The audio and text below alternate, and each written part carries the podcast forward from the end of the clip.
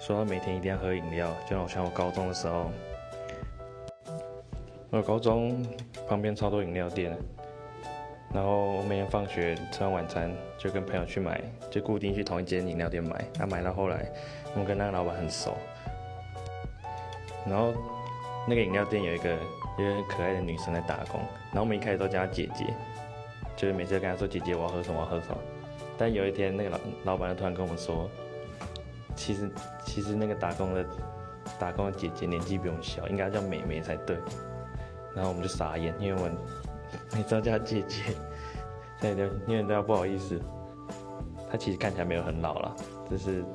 我们就误会了，对，真是不好意思。